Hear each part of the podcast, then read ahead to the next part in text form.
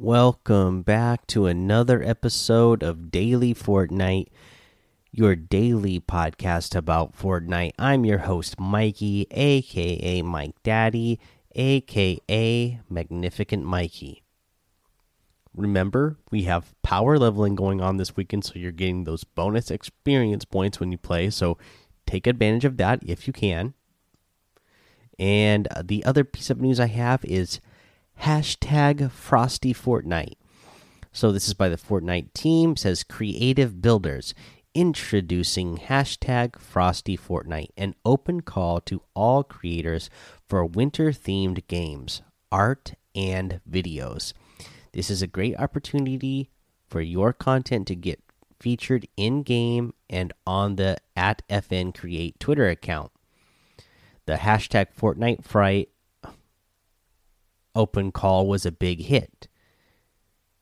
And we are excited to see all your hashtag Frosty Fortnite creations. This campaign will run through the end of the year into and into January. Next patch will release the Snowman set. It includes two pre-built snowmen along with pieces to build your own. Be sure to include these in your upcoming creations we're keeping a special eye out for these props. We're looking to feature some of the best hashtag Frosty Fortnite creations in December and January. For a chance to be featured in game, submit your island via the official form by December 8th. Keep an eye on social and in game to see if your hashtag Frosty Fortnite creation has been selected. Stay frosty.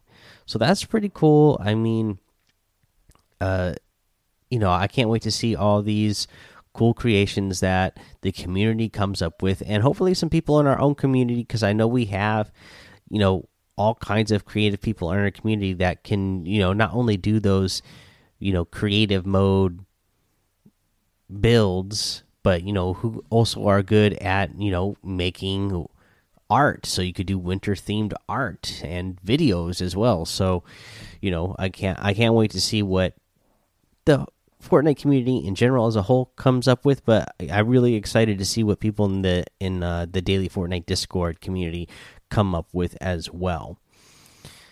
Now let's see here. That's all i really have for news today. Uh, let's see here. So let's move on let's go ahead and cover a weekly challenge tip. And this is the one where you need to visit five landmarks in a single match. And here's what I did. Uh, you know, there's there's other locations on the map that you know that this could potentially work well for you. And again, I don't remember all of the names of all these locations. Uh, but I'll tell you what it is. So what I did is I went out uh, and I started out at the lighthouse in what is that in C one. So I went to C one, landed at that lighthouse, and then if you go to the west side of that little part of that island, there you can find uh, a motorboat. And then I take that motorboat and I head down to C two, and on the shore there is a one of the I want to say it's one of the EGO sites there on the shore. That's the yeah, that's the EGO site on the sh shore, and then you can go directly west of there on that island that's in B. You know, it's in C two B two that island there. Uh, there is a crash site there, so there's your third one, and then you can keep going on your motorboat and go to the island that's directly west of that in B2 A2 and that is where you're going to get the what is the name of that one? That's the coral cove i believe. And then you can head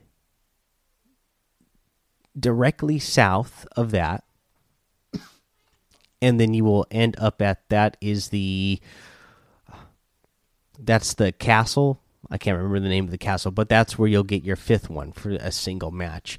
That's the path I took, and I like that one uh, compared to other locations, just because these five unnamed locations hardly have anybody landing them, especially if you start all the way out there at the lighthouse. You're able to get to the other ones pretty fast, though, because of the motorboat. You might find somebody, you know, at that last location at the castle because I know that is a popular spot that you know at the beginning of the season became popular because of Tfue was going there. I, I haven't been watching, so I don't know if he's still currently going there, but I wouldn't be surprised if it's still a somewhat popular spot uh, because of that.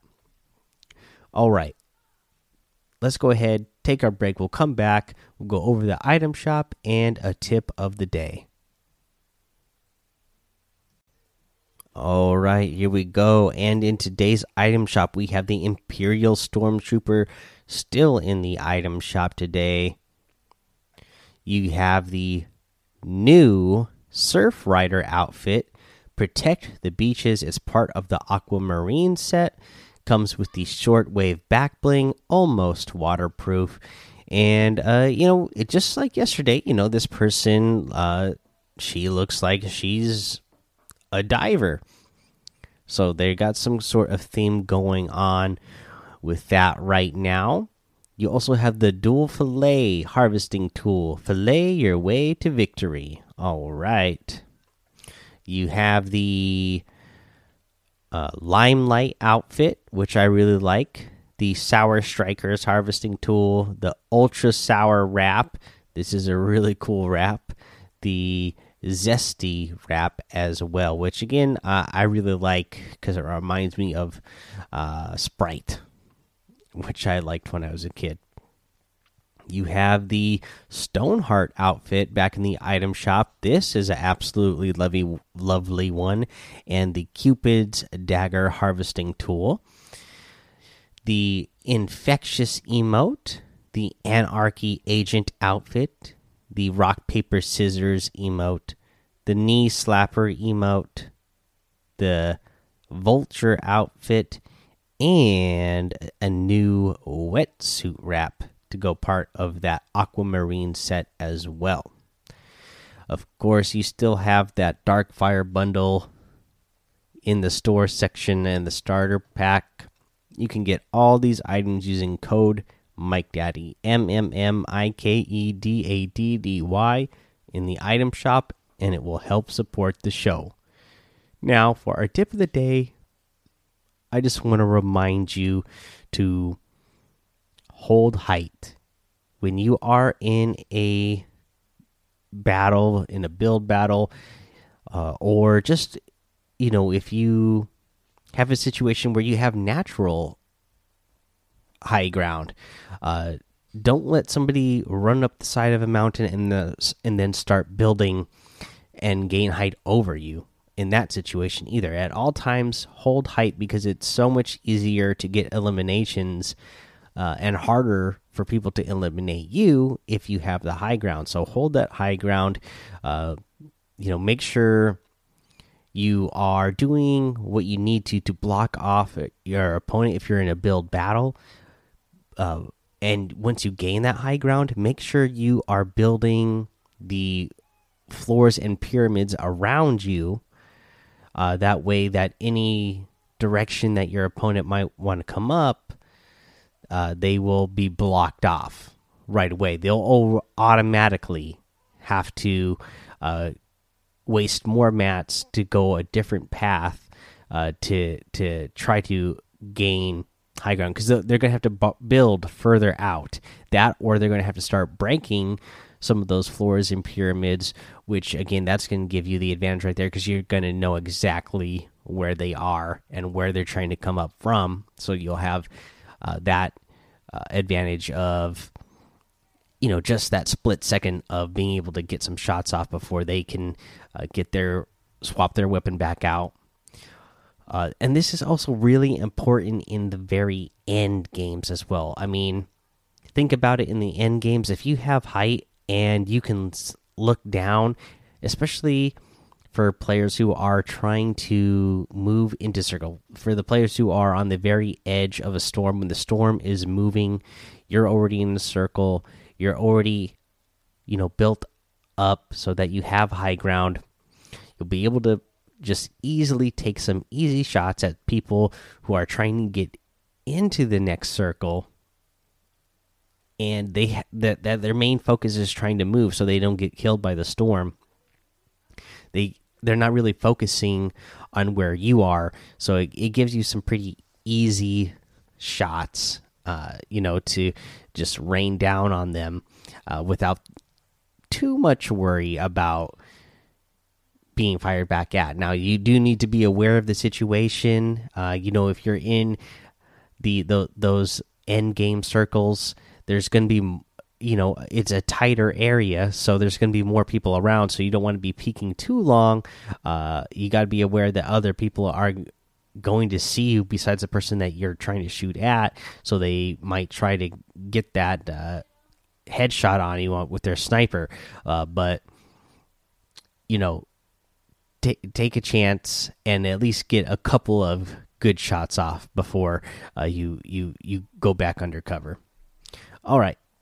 That is the end of the episode today. Head over to the Daily Fortnite Discord and hang out with us over there. Follow me over on Twitch and YouTube, Mike Daddy on both of those places. Head over to Apple Podcasts, leave a five star rating, a written review for a shout out on the show. Subscribe so you don't miss an episode. And until next time, have fun, be safe, and don't get lost in the storm.